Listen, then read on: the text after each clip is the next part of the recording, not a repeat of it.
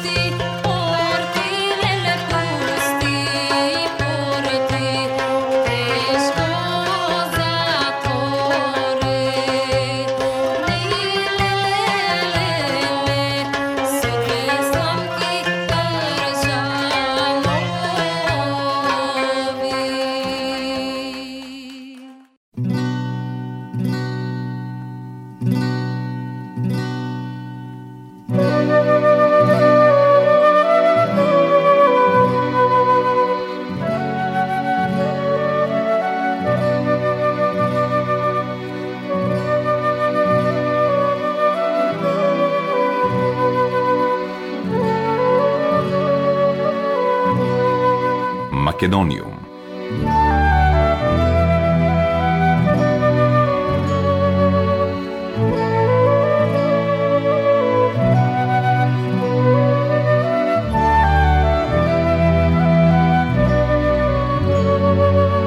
Добар ден и добре дојдовте во најновото издание на емисијата Македониум.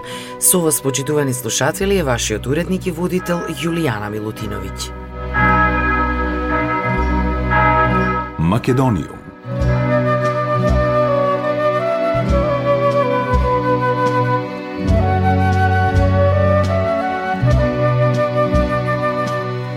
Во рамките на прославата на Денот на Обштината, а на покана на председателот на Обштина Алексинац, Далибор Дичевиќ и директорот на училиштето Вук Караджиќ од Житковац, делегација од училиштето Свети Климент Охридски од Македонски Брод, што ја сочинуваа градоначалникот Жарко Ристески, директорот на училиштето Тони Ставрески и наставникот Александар Станковски, координатор на програмата Еразмус остварија повеќедневна посета на оваа српска општина. Во рамките на оваа посета ги посетивме гимназијата во Алексинац, Центарот за социјална работа, Саемот за спорт, а присуствувавме и на Свечената академија по повод Денот на Обштината. Во богато организираната посета, најважно е што директорот на училиштето Вук Караджиќ, Милан Динич од Житковац, подпишавме повелба за збратимување на двете основни училишта, а на која присуствуваше и градоначалникот на збратимената општина Загорје крај Сава од Словенија, истакна Тони Ставревски, директор на училиштето од Македонски Брод. Подпишувањето на повелбата е резултат на поврзување на двете училишта во рамките на програмата Erasmus Plus и за која се заслужи должни наставничката по англиски јазик од училиштето домаќин Милјана Младеновиќ и координаторот на овој проект од училиштето од Македонски Брод Александар Станковски. Житкова се населба во рамките на општината Алексинац во Централна Србија.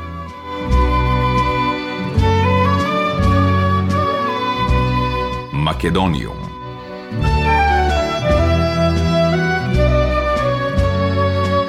Македонија е седма на листата на топ 10 најпланински земји во светот според сајтот World Population Review.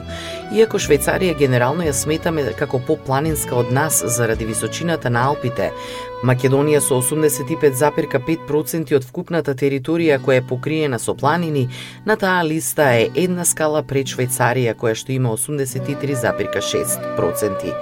Бутан, чија територија во однос на процентот на планините од вкупната територија 98,8% е на врвот на оваа листа.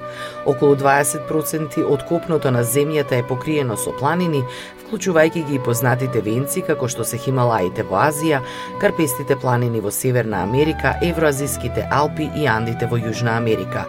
Многу планински земји се рангирани меѓу најубавите земји во светот, а планините исто така овозможуваат широк спектар на уникатни активности на отворено, вклучително скијање, сноуборд, планинарење, трекинг, качување по карпи, планински велосипедизам, баз скокање, летање, со летање и многу повеќе, велат во статијата на World Population Review.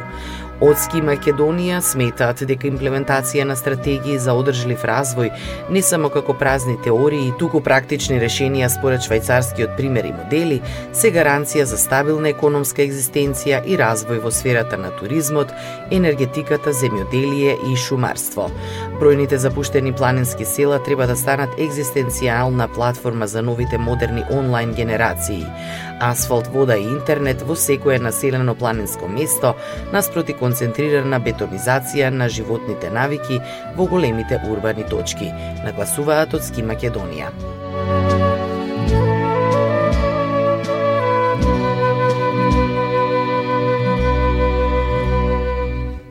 Македониум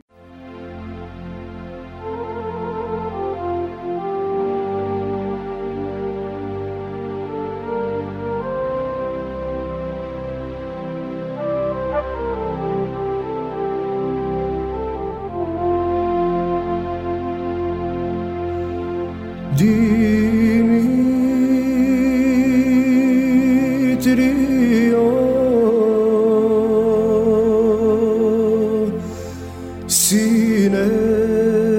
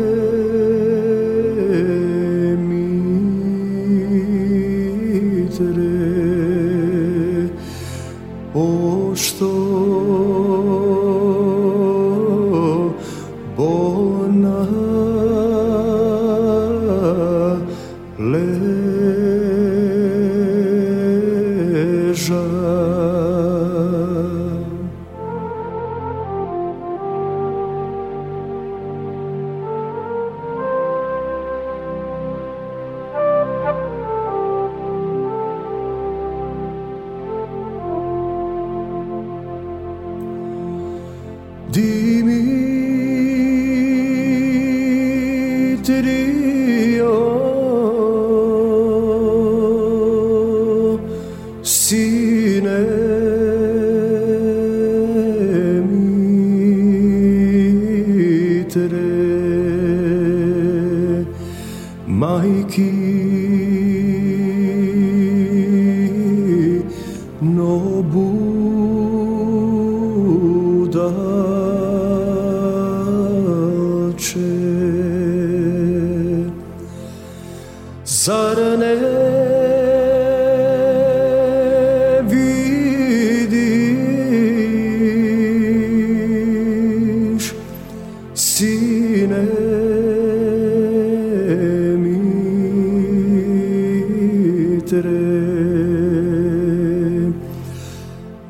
te žena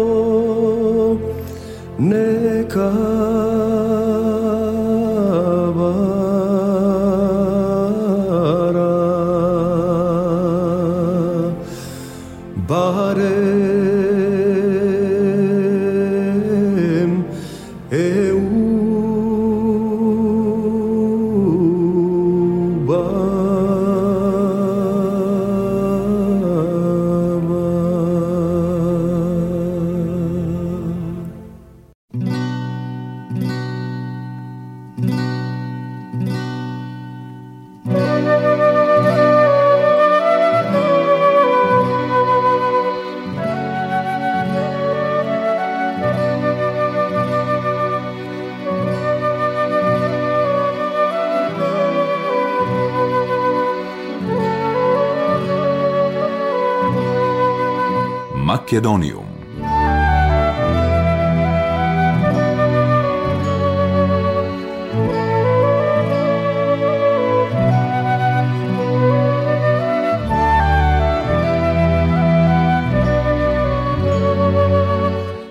Албанскиот премиер Еди Рама во интервју за Политико рече дека не очекува самитот на Европската Унија следната недела да го отвори патот на неговата земја да ги започне преговорите за членство и ја префрлува вината на Бугарија.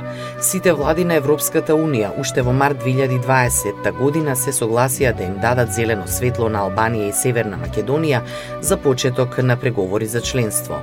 Но преговорите допрва треба да започнат откако Бугарија инсистираше на тоа дека сака одстапки од Северна Македонија во билатералните спорови кои се однесуваат на јазикот, историјата и идентитетот. Иако блокадата на Софија се однесува само на Северна Македонија, Европската Унија фаворизираше заеднички да ги решава кандидатурите за членство на Албанија и Северна Македонија, така што и Албанија е ефективно блокирана. Тешката состојба на земјите од Западен Балкан е навремено предупредување за каприците на пристапот во Европската Унија за Украина, која притиска во средината на руската војна да стане кандидат за членство во Европската Унија на самитот следната недела. Европската Унија го даде тој статус на Северна Македонија во 2005-та, Албанија во 2014-та, но сепак не успеа ниту да започне разговори со ниту една земја. Германскиот канцелар Олаф Шолц ја посети Бугарија минатата недела во обид да ја надмине блокадата на Софија пред предстојниот самит во Брисел, кој ќе се одржи во четврток и петок следната недела. Но во интервјуто за Политико, Рама јасно кажа дека е песимист. На прашањата дали некои лидери на Европската Унија сигнализирале дека разговорите можат да започнат наскоро, Рама одговори какви сигнали можат да дадат. Не се работи за нив. Повторно се работи за Бугарија. Сите се согласуваат, сите поддржуваат, сите мислат дека ова треба да се случи, а ова веќе требаше да се случи, но нивната маневарска маржа е ограничена од Бугарија. Албанскиот премиер Еди Рама, кој има 57 години, е поранешен кошаркар и сликар, рече дека не очекувал бугарските лидери да ја променат својата позиција, бидејќи тие го претвориле спорот во толку големо прашање што беше многу тешко да се повлече.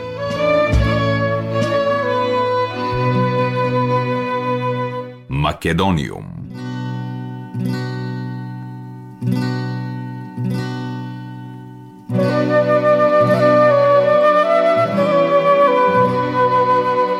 Заменик председателот на владата во Република Северна Македонија задолжен за европски прашања Бојан Маричиć во рамките на официјалната посета на Брисел оствари средба со еврокомесарот за проширување Оливер Вархеј, на која било разговарано за диалогот помеѓу Скопје и Софија, за европската перспектива на Западен Балкан, ситуацијата во Украина и последиците од неа. Отклучен интерес за сите е зачувувањето на стабилноста во регионот и ориентирањето кон уште поинтензивна соработка помеѓу земите кандидатки и Унијата, рекол на средбата вице-премиерот Маричиќ, информираат владините служби. Силна е поддршката и посветеноста на француското председателство за постигнување и договор и деблокирање на нашиот евроинтеграцијски процес, вели вице-премиерот Маричиќ и на 10 дена пред одржувањето на јунскиот самит и конференцијата за Западен Балкан на француското председателство, порачува дека е потребно максимално да се искористи времето за постигнување европско решение решение помеѓу Северна Македонија и Бугарија, кое со лидерство од страна на Европската Унија ќе стави европски печат на имнината на регионот, соопштуваат од Секретаријатот за европски прашања.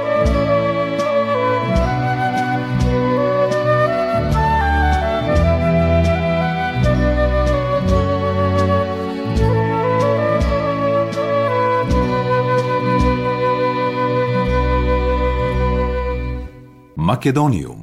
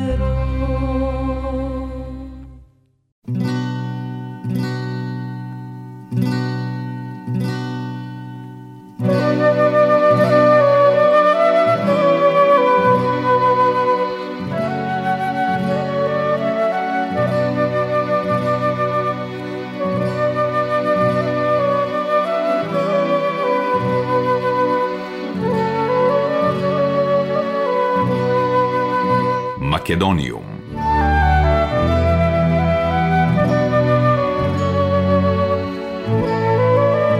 Платформата Млади европски амбасадори Young European Ambassadors е креативна мрежа на млади активисти од целиот Западен Балкан, Албанија, Босна и Херцеговина, Косово, Црнагора, Северна Македонија и Србија. Оваа креативна мрежа се е разнолики, но сепак сите имаат заедничка визија. Западен Балкан обединет во различностите, учењето едни за други и за Европската Унија заедно, спроведувањето на креативни проекти, стекнување на нови вештини, поврзување преку социјалните медиуми, организирање на инспиративни настани, секогаш предводени од идејата дека младинскиот активизам е најмоќната алатка за обштествени промени. Целта на мрежата е споделување на вредностите на Европската Унија Унија и подигнување на свеста за соработка на Европската Унија со незините партнери од Западен Балкан, прикажување на видливи резултати од оваа соработка, придонес кон политичкиот диалог на различни теми, поддршка за зголемување на граѓанскиот активизам и заедничката работа за подобра иднина. Младиот европски амбасадор е млад активист кој се гледа себе си како добар говорник, спремен да ги сподели вредностите на Европската Унија, да учествува во проекти и настани поврзани со ЕУ интеграцијата, заштитата на животната средина, човековите права, уметноста и културата и новите технологии.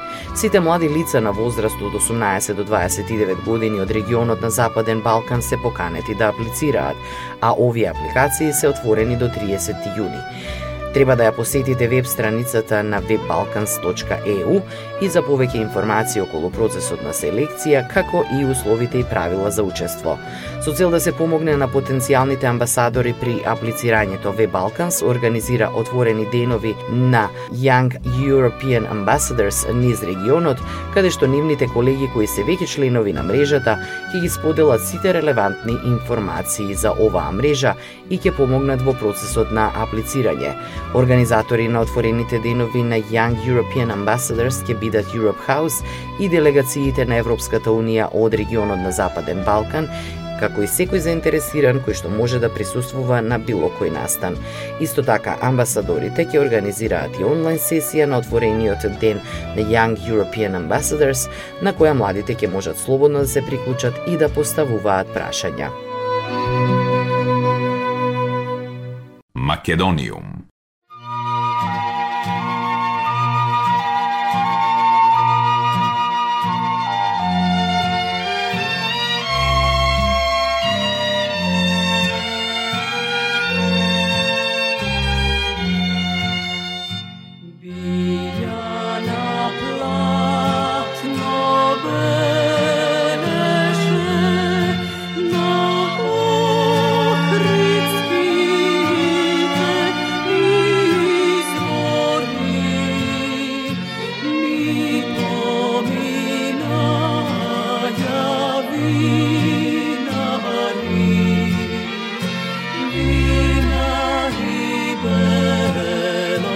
llorar.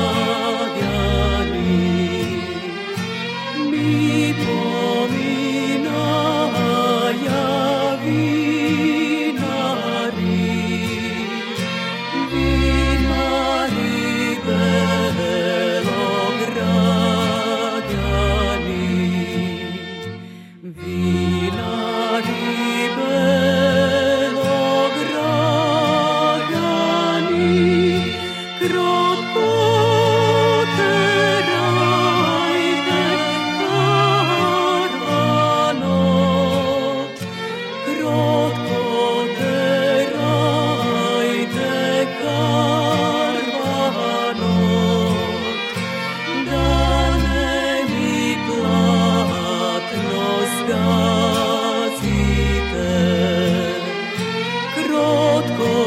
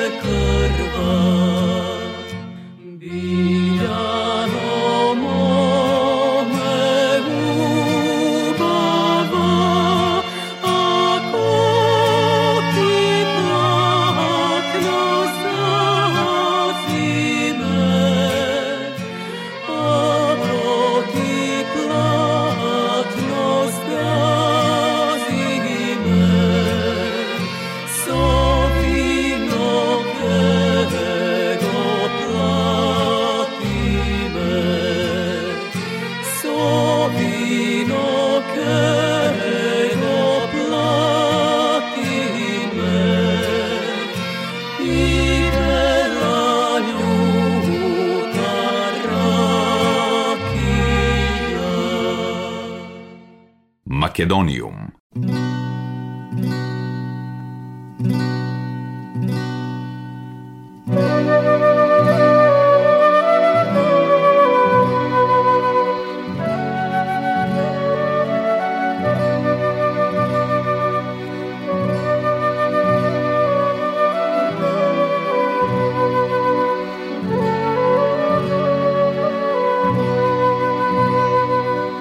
Почитувани слушатели, тоа беше се во денешното издание на емисијата Македониум. До следната среда во исто време, срдечен и голем поздрав од вашиот уредник и водител Јулијана Милутиновиќ. Ја следевте програмата на македонски јазик, емисија Македониум. Главен и одговорен уредник Воин Поповиќ.